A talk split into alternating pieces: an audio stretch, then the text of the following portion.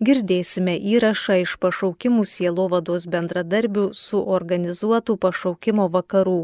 Liudis seminaristas Jokūbas Juškevičius ir vaikų chirurgijos gydytojas rezidentas ir didžėjus Benediktas Jonuška.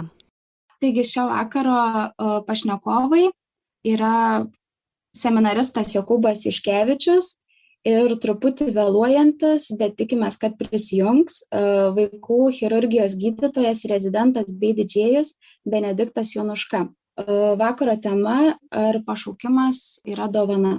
Taigi dabar pakalbinsiu Jokūbą, kadangi Benedikto nėra, tai e, noriu paklausti, kaip tu, Jokūbai, manai, ar pašaukimas iš tikrųjų yra dovana, ar jį pasirenkame mes patys? Ir taip, ir ne. Aš suprantu, kad e, daugelį šitas atsakymas netenkina, nes jis nėra konkretus. Bet jeigu atvirai, tai Dievas veikia konkrečiai mūsų gyvenimuose, kartais per nekonkrečius dalykus. Ir man atrodo, kad pašaukimas yra tikrai Dievo dovana, bet mes kiekvieną kartą galvojam, ką su tą dovaną daryti. Mes galim ją rinktis arba nesirinkti, išpakuoti arba neišpakuoti padovanoti kažkam. Tai yra labai daug galimybių. Aš tikiu, kad Dievas kiekvienam iš mūsų yra paruošęs ypatingą būdą susitikti su juo. Nes e, man atrodo, kad pirmiausia, pašaukimas yra ne tai, ką mes turime daryti, bet pašaukimas pirmiausia yra būdas, kaip mes turime susitikti ir pažinti Dievą. Tai kai žvelgiam į šitokių kampų, tada kartais yra priimti lengviau įvairius sprendimus, pašaukimo klausimus, nes mes galvojam į būdą, kuriuo aš pažįstu kitą asmenį, tai yra Dievą. Tai tikrai yra dovana, tikrai yra dovana. Tai kartais atrodo kaip, kaip užduotis, iššūkis, bet iš tikrųjų yra dovana. Taigi, Jokūbai, noriu tavęs paklausti tojo klausimo, ar tu esi svarstęs apie šeimininį gyvenimą? Ar tu nuo pat mažens norėjai būti kunigu ir viskas? Aš ne, nežinau, ar yra labai, e, labai daug žmonių, kurie nuo mažens svarsto apie kunigystę, bet e, aš svaršiau apie šeiminį gyvenimą ir dabar svarstau. Seminarija nėra vieta, kai mes iš karto padarome konkretų apsisprendimą, užsidarome ir daugiau neklausome savęs dalykų. Seminarija būtent ir yra laikas, kad mes ieškome savo pašaukimo ir bandome atpažinti, ar E, pašvestasis gyvenimas, kunigystė yra būtent mums. Tai tikrai svaršiau ir, ir dabar pamastau apie šeiminį gyvenimą ir, ir kitokį būdą tarnauti. Tai yra ir pašvestasis gyvenimas, ir, ir visai pamirštas būdas viengungystė, kai žmogus gyvena vienas ir pasišvenčia Dievui. Taigi mes kartais šiek tiek apribojam save, galvodami, kad pašaukimas yra arba šeima, arba, tarkim, kunigystė, arba švestasis gyvenimas.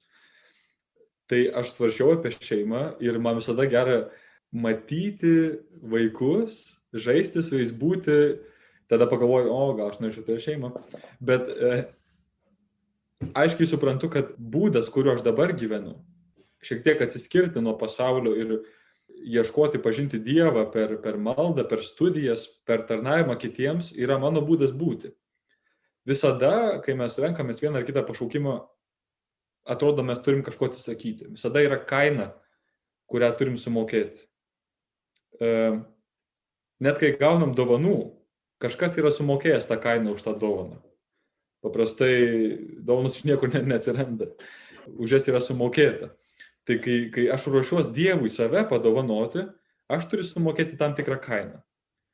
Jis galbūt neretai būna skausminga, mums reikia kažko atsisakyti savo truškimų, siekių, norų, kurie atrodo labai svarbus, bet iš tikrųjų jie yra dažniausiai nepagrindiniai. Nes aš galiu garantuoti, kad Dievas trokšta mums daug didesnės laimės, negu mes patys kartais susiplanuojam savo gyvenimą. Kitas dalykas, aš tai labai myliu šeimas ir jos man, e, vat, einant link kunigystės, yra didžiulis pastiprinimas, todėl kad žvelgiant į jas, aš matau iš vis bažnyčios tikėjimo viltį ir ateitį. Mane stebina, kaip pasauliečiai žmonės, ypatingai šeimos, su kokiu jie tikėjimu meldžiasi, kaip jie myli bažnyčią, kaip jie ruošiasi tarnauti, atsiduoti jai. ir augina, žinoma, vaikus, kas yra ateitis. Kunigai, kaip žinia, atsiranda iš šeimų, ne, ne iš dangaus nukrinta. Tai um, yra nuostabus dalykas. Tai ta kaina, kurią renkasi žmonės, kurie ruošiasi kunigystėje ir pašvestam gyvenimui, yra paukoti galimybę duoti fizinę gyvybę. Ar ne? Mes atsisakom šeimos, atsisakom steigti fizinę gyvybę, kad gimtų kūdikiai, nes mes renkamės gyvenimą celibate. Tai reiškia gyvenimą, kuris yra skirtas ir pašvestas Dievui, bet Dievas dovanoja mums kitokią galimybę - teikti gyvenimą žmonėms per sakramentus, per palydėjimą. Ir tai yra nuostabu. Ir šitą galiu tikrai paliudyti kitose srityse. Aš norėjau studijuoti muzikos ir teatro akademijoje prieš įstodamas į seminariją ir aš maniau ir atsisakiau, stodamas į seminariją muzikos, aš supratau, kad aš turėsiu paukoti šitą dalyką. Bet e, paukoti tai nereiškia atiduoti, paukoti kartais reiškia pavesti Dievui, pašvesti, bet e, jisai, kaip žinia, šitos dalykus palieka. Aš esu seminarijos vargoninkas, muzikuoju, groju, gėdu ir panašiai. Tai Dievas leidžia panaudoti ir visą tai, ką mes norėjom. Taigi, norą ir troškimą kurti šeimą, teikti gyvybę, jis mums duoda kitokiu būdu. Atvesdamas mus į bendruomenę, tai yra į didžiulę, į didžiulę šeimą. Tai, nu, tai yra nuostabu. Aišku, aš nežinau, kas bus e, toliau, nes tai yra kelionė. Aš esu atviras e, Dievui, e, kuris ruošia mane vesti ir jisai žino, kaip ten bus. O Jokūbai, kada tavo gyvenime atsirado Dievas? Ar tu nuo pat mažens buvai tikintis, ar, ar vėlesnėme amžiuje? Aš visada sakydavau, kad mano gyvenime Dievas atsirado tada, kad aš buvau pakrikštytas. Bet pasirodo kur kas anksčiau. Mano tėvai pasakojo man tokią istoriją, kad jie labai troško susilaukti vaikų ir ilgą laiką negalėjo E, susilaukti vaikų ir, ir jie važiavo po įvairias Lietuvo šventovės, daug meldėsi ir mano mama e, nuvyko, su mano tėčiu nuvyko pas, pas jos senelę, mano prosenelę. Ir jinai sako mano tėvams, kai aš numirsiu, jūs turėsit vaikelį. Ir per mano prosenelės laidotuvės mano mama buvo išvesta su manim. Tai man atrodo, kad uh, mano tikėjimas prasidėjo jau tada, kada manęs dar nebuvo. Ir e, kur kas anksčiau vyksta dalykai, negu mums atrodo.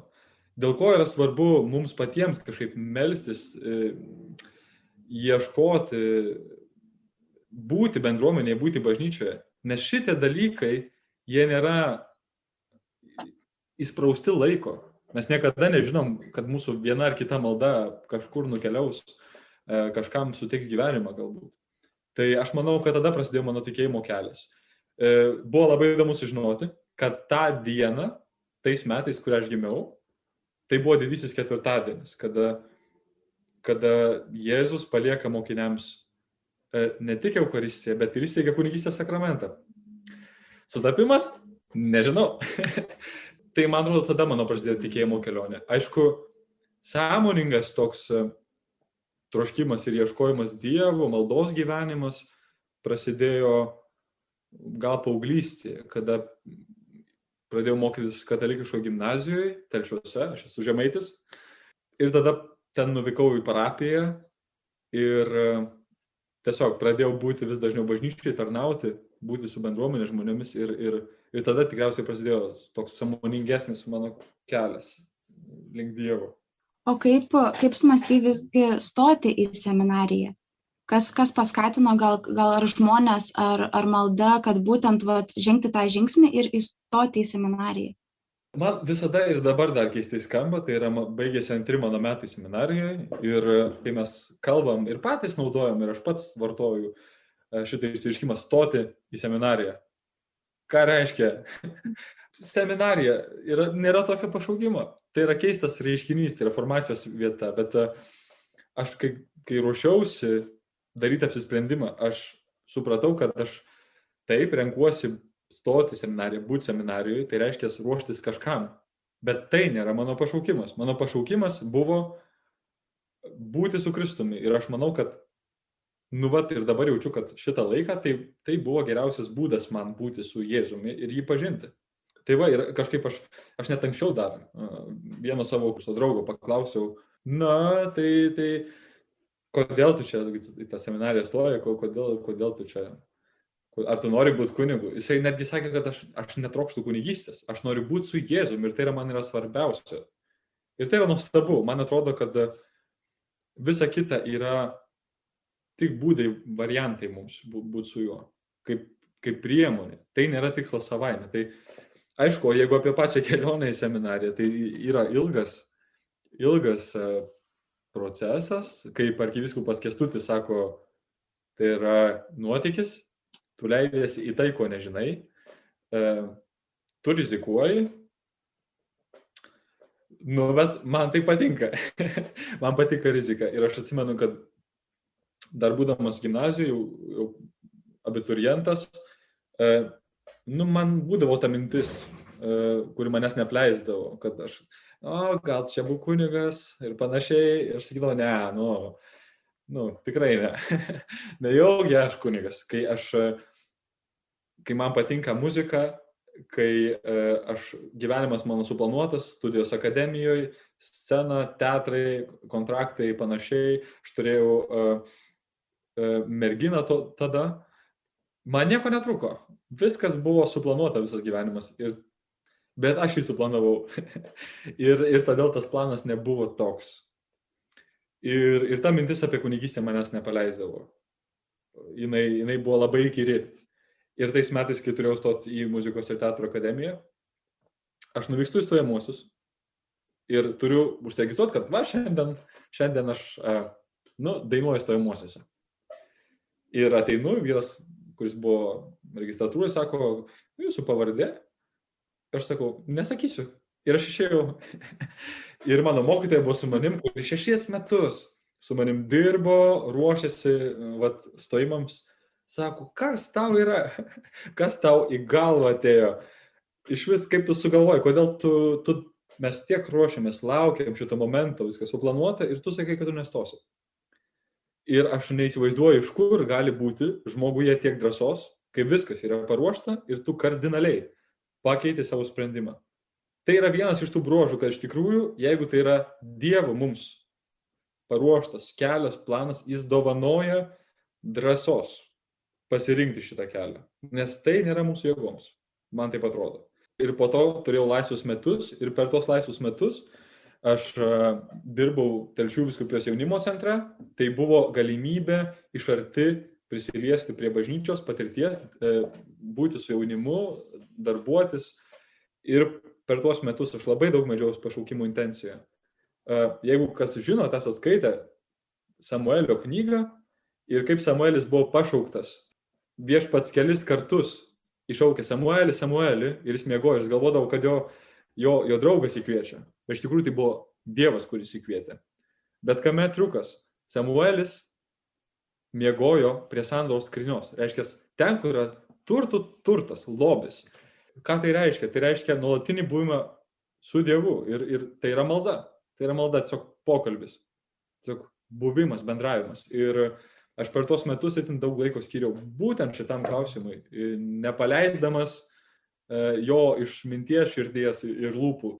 Ir manau, kad tos maldos vaisius ir buvo tai. Tarp kitko, e, šį sekmadienį bus, ne, gerojo ganytojo sekmadienis.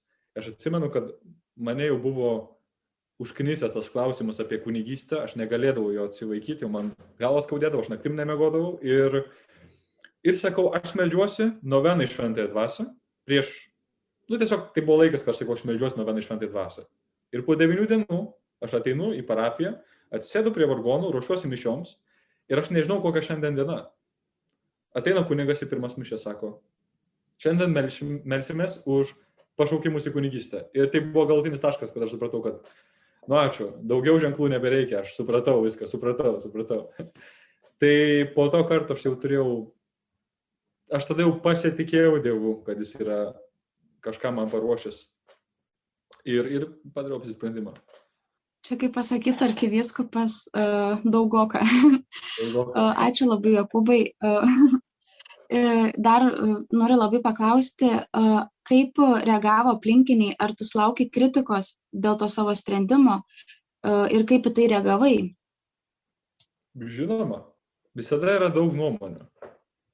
Bet čia yra esmė, kad mes išgirsime daug, daug nuomonių, bet tai nereiškia, kad visų kažkaip jų reikia klausyti. Aš galiu pasakyti, kad mano patirti buvo taip, kad maždaug 50 procentų žmonių, e, kurie buvo iš tos aplinkos, kur aš, kur aš dalyvau, ten koncertai, renginiai, muzika ir panašiai, jie šaukė, kad a, tu turi būti scenoje, ta prasme, muzika, tik tais, tu, ką, ką tu darai žmogau, kur tu eini. Ir kita pusė, tie, kurie buvo mano bendruomenės nariai iš parapijos, iš mano tikintis draugai, iš bažnyčios, jie visi sakė, tu nebesvarstyk žmogau, tu turi būti ten. Ir, ir tai aišku plėšia mane šiek tiek irgi. Bet uh, yra tokie keli komponentai, sako, kurie padeda atpažinti uh, pašaukimo tikrumą. Tai pirmiausia yra Dievas, kuris tave kviečia. Jisai tau duoda kažkokius impulsus, nu, ženklus, galim sakyti, jisai tave kalbina. Ir tu tai galėt pažinti. Kitas dalykas yra, tu pats kažką širdį turi, kažkokį troškimą nešiojasi. Ir tai yra, yra pašaukimo atpažinimo pagalba. Kitas dalykas yra bendruomenė. Tai, ką sako žmonės. Negalim visiškai atmesti, kad, na, nu čia jie kalba. Dažnai žmonės mato mumise kažką, ko mes patys nematome būdami, nu, nepasižiūrim save, kaip sakant, iš kitos pusės. Tai žmonės mato mumise tai, ko mes nematome ir dažnai jie būna teisūs, nors mes sakome, e, baigtų jokas. Negali tai būti. Ir kitas dalykas yra, aišku, čia jau, tai yra vyresnybė kažkokia tai. Tai dvasios tėvas, galbūt palydėtojas arba vat, seminarai būnant tai vadovybė ir panašiai. Ne? Tai, tai man va šitie aspektai padėjo e, sudėti viską aš jutau, kad Dievas mane kviečia kunigystėje, aš pats geriai širdyje troškau šito, nors ir apsimečiau, kad ne.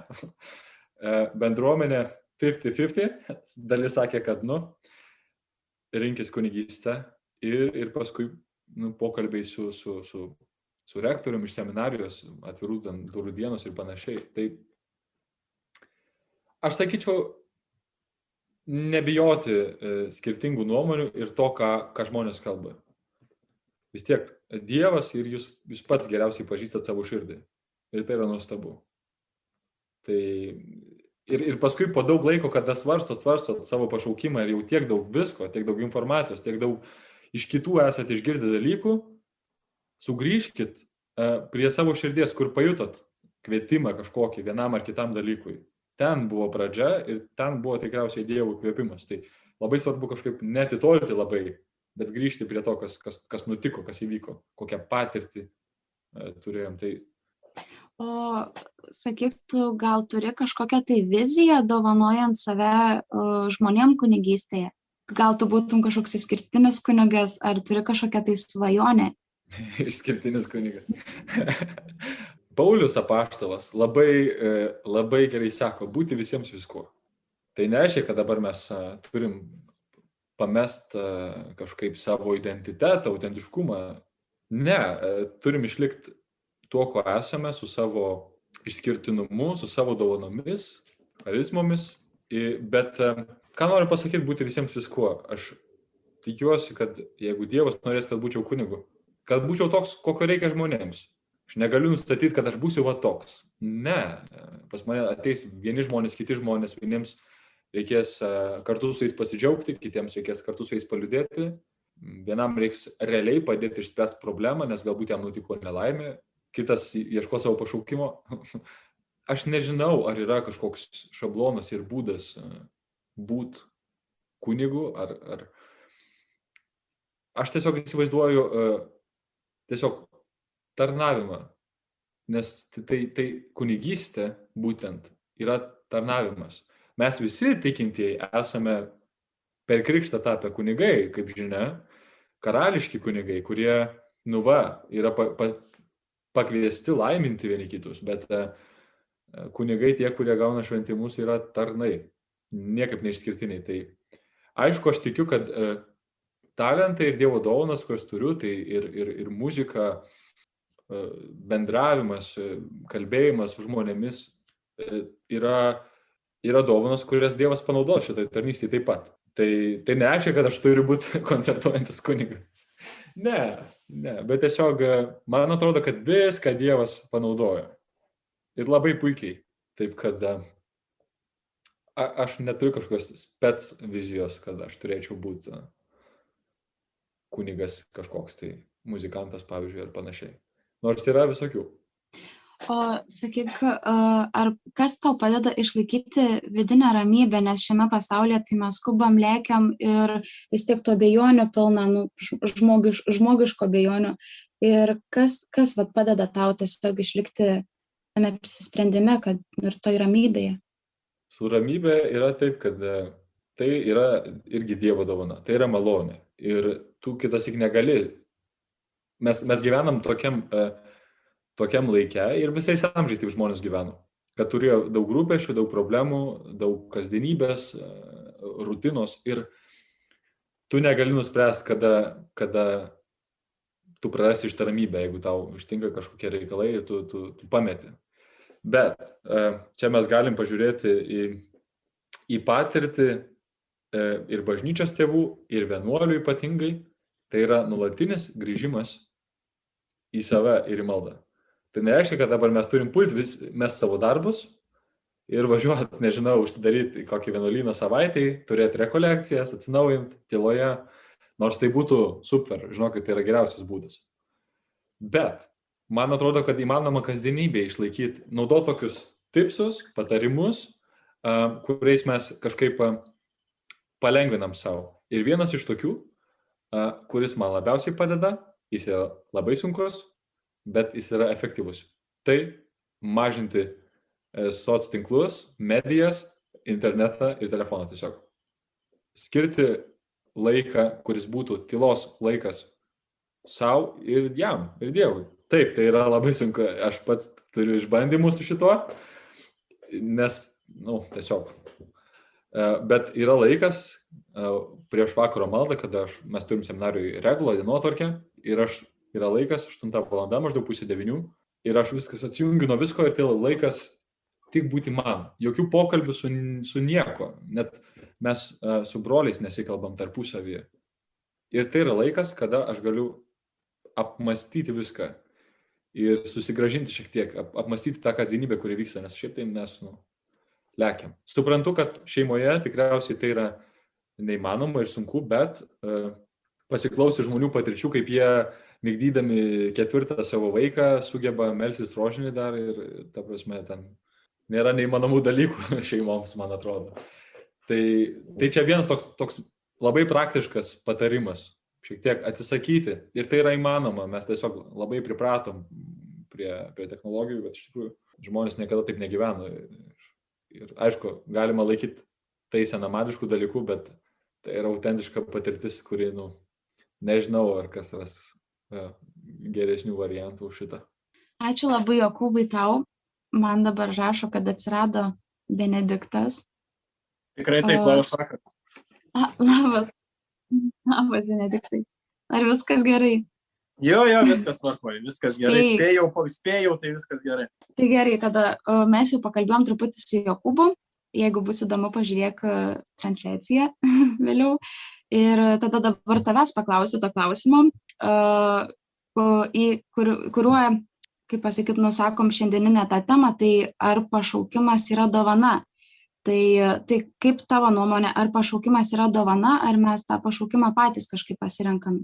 Tai labas vakaras visiems dar kartą. Kalbant apie pašaukimą, gal mano požiūris bus toks labiau praktiškas, tikriausiai iš tos chirurginės pusės, kur, kur su kuo susiduriu dažniau, bet iš esmės tai yra toks stereotipas, kad galvoja, kad medikai jau čia turi būti pašaukimas nuo mažumės.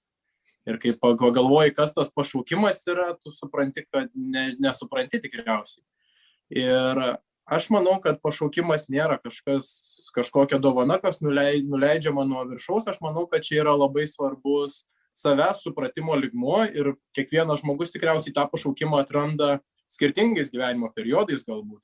Galbūt yra kažkas, kas to netranda ir visą gyvenimą ir kad ir kaip būtų gaila, bet aš galvoju, kad pašaukimas yra toks dalykas, kuris e, po daugelio patirčių, po daugelio savęs pažinimo valandų ateina ir tu tuomet e, gali dėl to abejot, gali neabejot, bet tu matai, kad tai tikriausiai yra tavo pašaukimas ir tu nori to keliu eiti. Tu dar esi ir muzikantas, beje, kaip ir Jokūbas.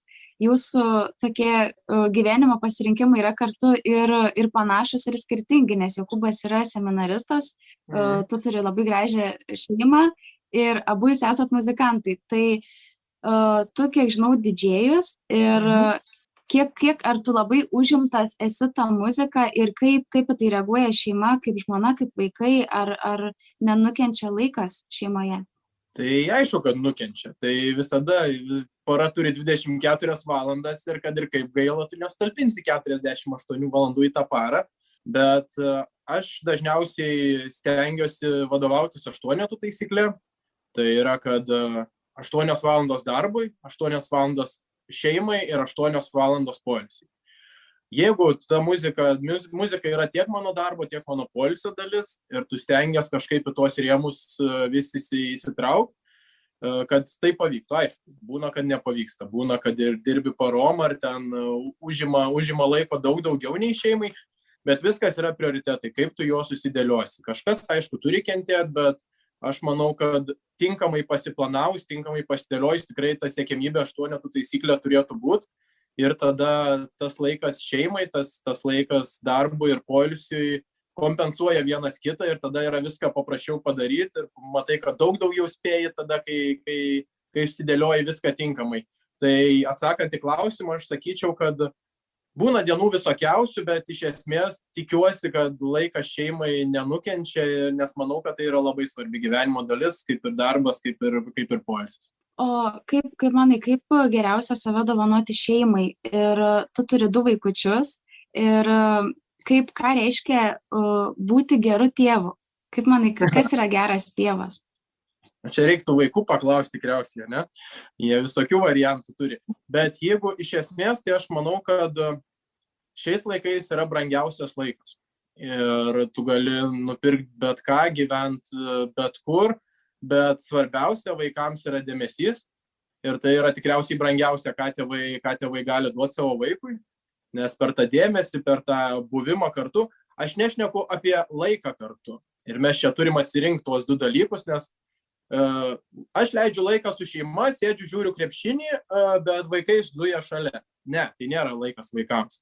Ir e, ta, ta koncentracija vaikams, tas dėmesys, kai tu atiduodi save visą vaikam, visą vaikui, čia iš tos gal ir psichologinės ir iš vaikų chirurginės pusės galima irgi pažiūrėti, kad tai yra labai svarbu, nes vaikai jaučia, kiek tu to dėmesio jam atiduodi ir kiek tai yra kokybiška. Ir gali prabūti visą dieną su jais, bet neturėti kokybiško laiko, gal kartais, kartais užtenka tiesiog pusvalandžio, valandos, dviejų valandų su jais, kai tu tik su jais visas dėmesys tik jiem, vis, visos emocijos, visi klausimai tik jam, tai aš galvoju, kad tas, tas, tas laikas labai svarbus, kokybiškas laikas, kaip ir sakiau.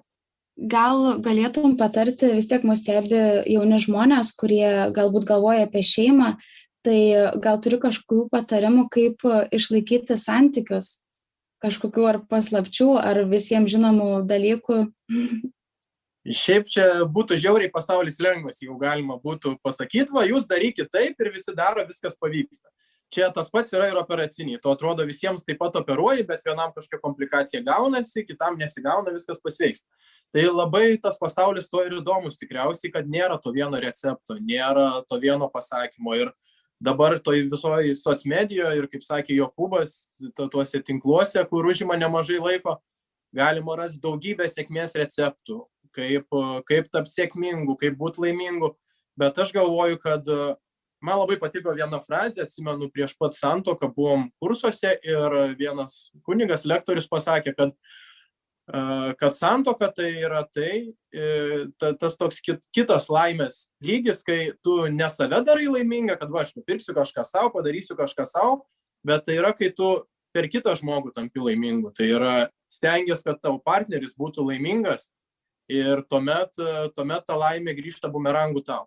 Tai vienintelis patarimas tikriausiai būtų, kad tas žmogus esantis šalia, kad ir kas tai bebūtų, norėtumėt, kad jisai būtų laimingiausias pasaulyje, o po to tik tai jūs galvotumėt apie save, nes viskas grįžta bumerangu ir tada viskas daug paprasčiau.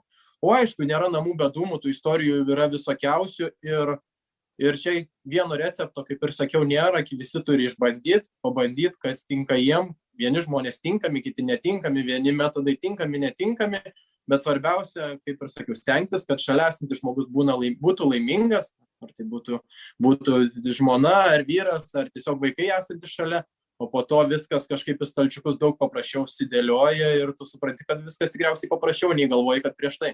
O sakyk, kaip, kaip tu išlaikai tą vidinę ramybę, vis tiek uh, norisi to laiko savo, ar, kaip sakai, muzika yra tas tavo poilsis, o ar nesinori laiko ties, tiesiog laiko praleisti vienam ir susidėlioti save iš naujo? Šiuo atveju aš nežinau, kiek galiu kalbėti apie ramybę, kai esu chirurgas. Tokiam darbė tikriausiai tos ramybės ne per daugiausiai, nes visada tu suki galvą dėl vieno, dėl kito paciento ir to gal tas darbas ir įdomus, bet iš esmės, kalbant ne tik apie darbą, aš kiek plačiau, aš manau, kad tą ramybę, tą ramybę jaučiu dažniausiai tai ir manau, kad svarbiausia turėti pagrindą. Tai yra tiek savį susitvarkyti, suprast, šiek tiek daugiau apie save, tiek ir turėti kažkokius, ar tai būtų kažkokius žmonės aplink, kažkokią bendruomenę aplink, kuri, kuri kai tau sunku tiesiog padrasintų, suprastų, išklausytų. Tas laikas savo irgi yra labai būtinas ir jį tikriausiai daugiau skiriu muzikoje, tai yra užsidaręs studijai, kurdamas muziką arba, ar, arba kurdamas laidas, selekcijas ir visa kita, tikriausiai tai yra laikas man, kai tu supranti tokių, kad ir keistų dalykų, bet viskas vyksta per muziką. O, bet kaip ir sakiau, tas toks pagrindas tikriausiai labai svarbus ir kas ir suteikia tą visumą, visą tą ramybę, kur, kur tu gali jaustis ramiu, turėti tą užuovėją, kad man ramybė yra namai, aš darbe galiu išsitaškyti, galiu, gali būti, kad ir kokią dieną čia, kad ir penktadienio būdėjimas prasidėjo mirtim, baigėsi gimdančią nepilnametę ir ir tu supranti, kad ten viskas verda, kunkuliuoja, bet tu grįžti į šeimą, uždarai tas duris ir tai yra ta ramybė, kur tave supranta, tave išklauso ir kur tu turi tą užuovėją. Tai tas irgi tikriausiai labai svarbu. Nepaisant laiko savo.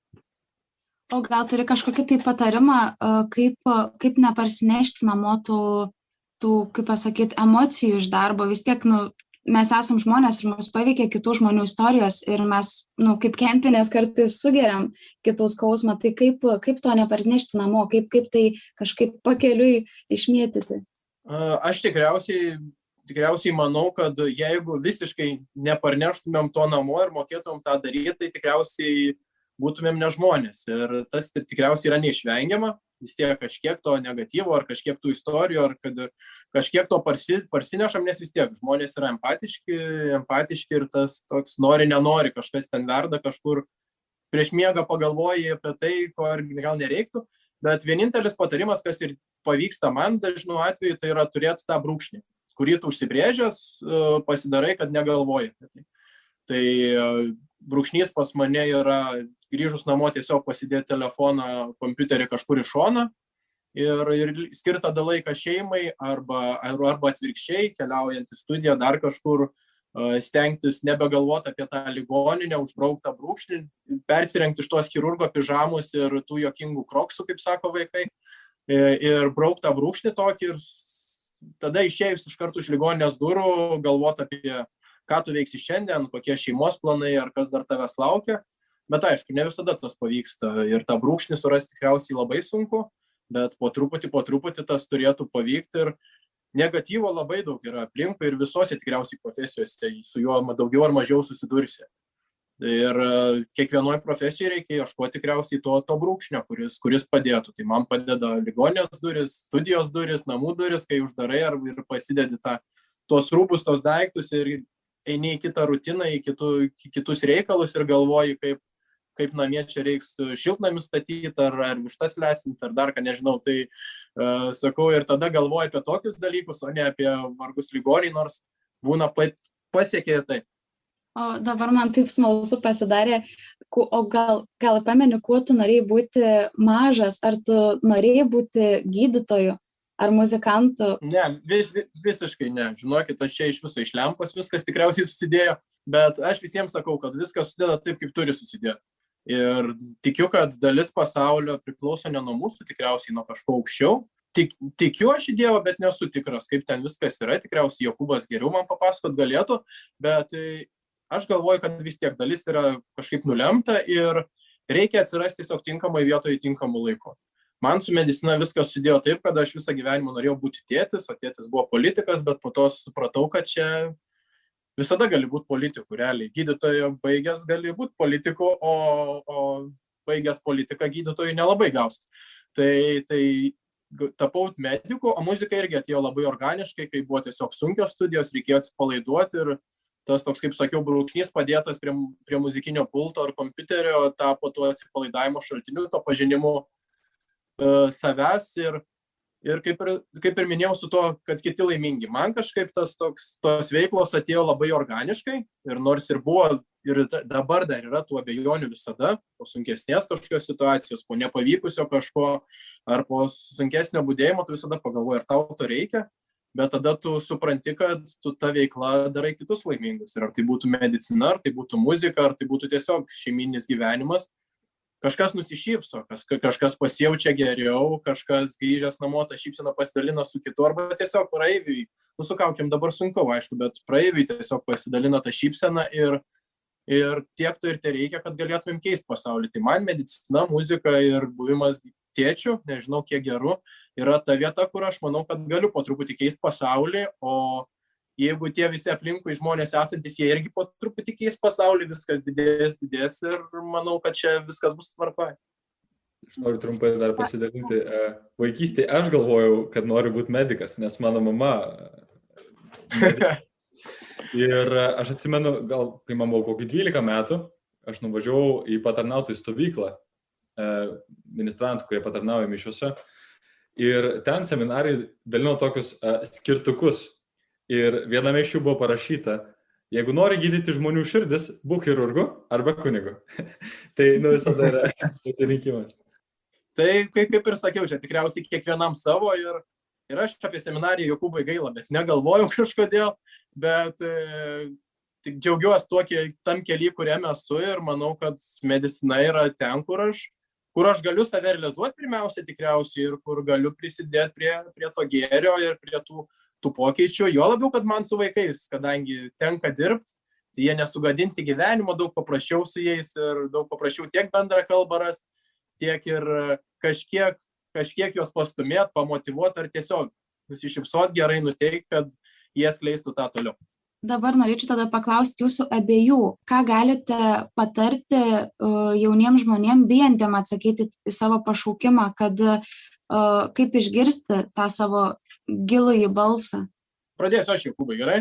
Tai aš visiems, kurie klausia, ką daryti, sakau daryti. Tai manau, kad tai yra vienintelis kelias, nes jeigu taip atvirai šnekant, tai žinokit, aš išbandžiau daugybę profesijų, esu dirbęs ir auklę, ir kalėdų senelių renginiuose, geodezininko padėjėjų, statybinių, nu, kultūrkių visokių žodžių yra buvę, daugybė projektų įvairiausių, daugybė žmonių pažintų ir aš manau, kad svarbiausia yra kuo daugiau daryti, tai yra neužtenka vien sėdėti namie ir galvot, reikia vis tiek pažinti kitus žmonės, kažką veikti, bandyti ir taip stengtis pažinti save ir tu nežinai, kada tas ateis tas dzinkt toksai, kur, nu, galbūt čia būtų ta veikla, kurią aš noriu daryti. Dauguma tų moksleivių tikriausiai klaidingai mano, kad va ateis 12 klasė, suprasiu, ką noriu veikti gyvenime. Aha, taip, taip, tikrai. Tai aš galvoju, kad tikrai ne ir aš man pačiam tai buvo. Aš dėl medicinos dar dabar abejoju kartais, bet e, tu išsimiegi, supranti, kad tikriausiai tai yra tas kelias ir tik savo pažinimas yra dėl to, dėl to vertas. Tai stengtis pažinti save, daryti kuo daugiau, e, ne, nebijot suklyst, kas irgi daug, daug dažniau tikriausiai padeda nei, nei tos sėkmingos istorijos.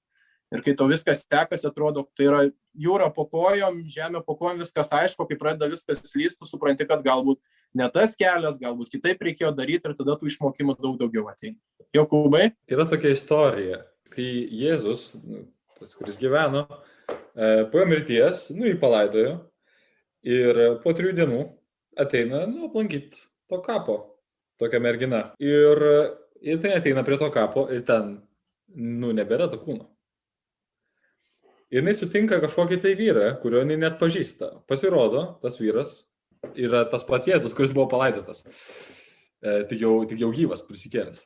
Ir jinai jo net pažįsta ir čia įvyksta labai svarbus, svarbus pokalbis. Tas vyras klausė jos, Jėzus klausė, tas moters sako, ko ieškai? Ir tada jinai sako, kur padėjo mano viešpatį? Sako, aš nežinau, kur jį padėjo. Ir tada Jėzus ištarė jos vardą. Ir jinai atpažįsta, atpažįsta tą vyrą tuo metu.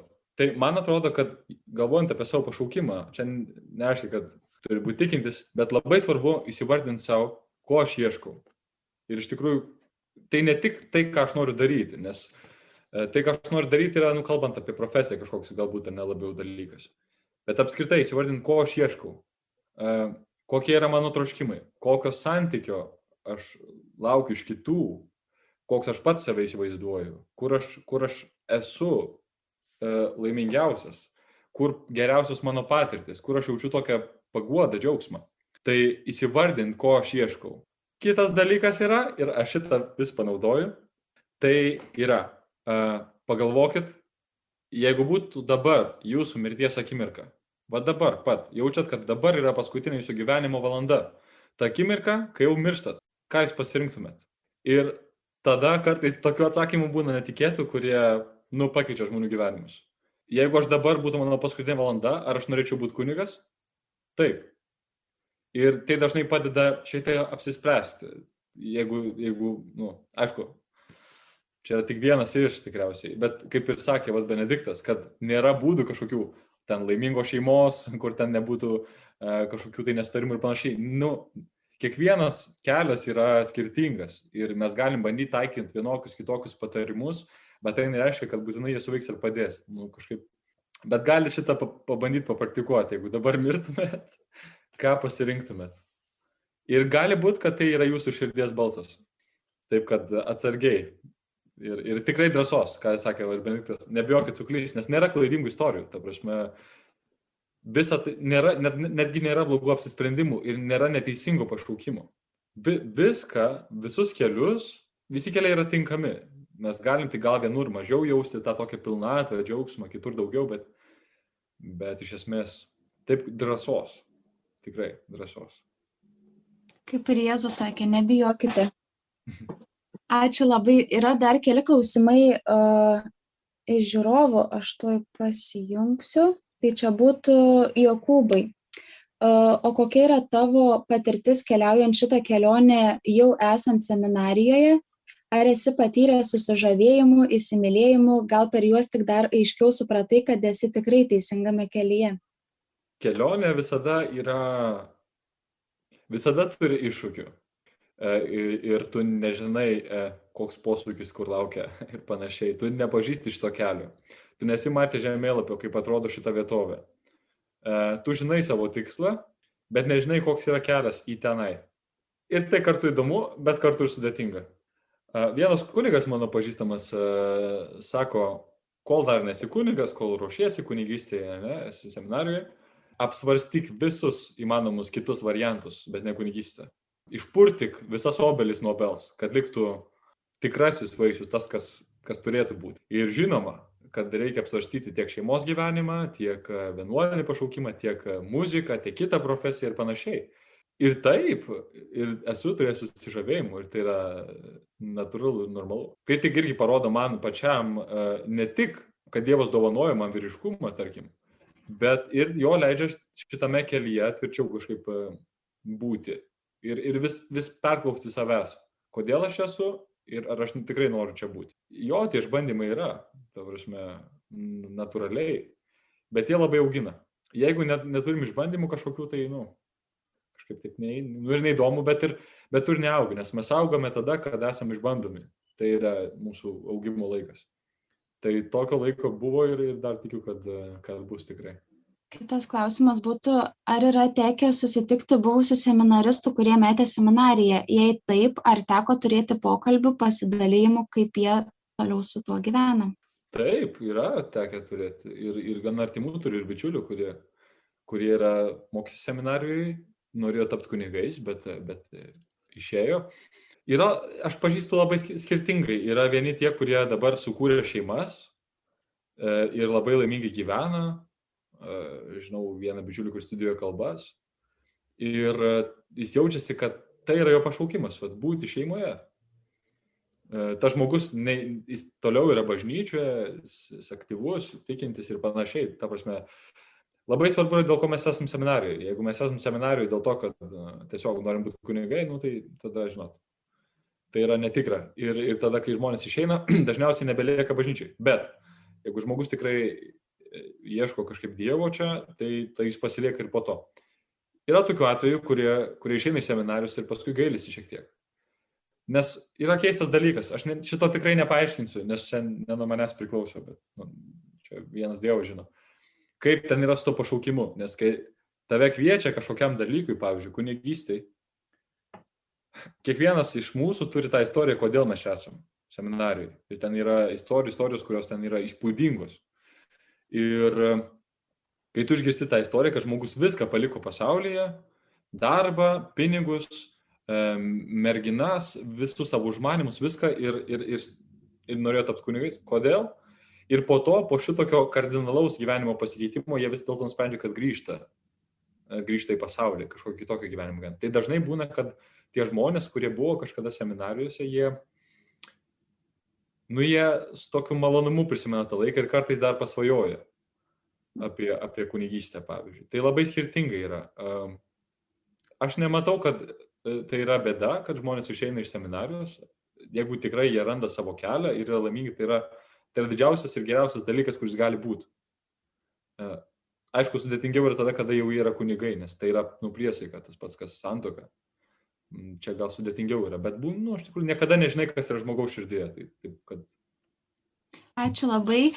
Tai mūsų vakaras kaip ir atėjo į pabaigą, kad ir kaip būtų gaila, tai bet noriu padėkoti Jokūbui ir noriu padėkoti Benediktui, kad e, vis dėlto prisijungė, kad ir buvo kažkokių kliūčių. Daugiau klausimų kaip ir nebėra. Taigi ačiū labai visiems ir gerą vakarą tada.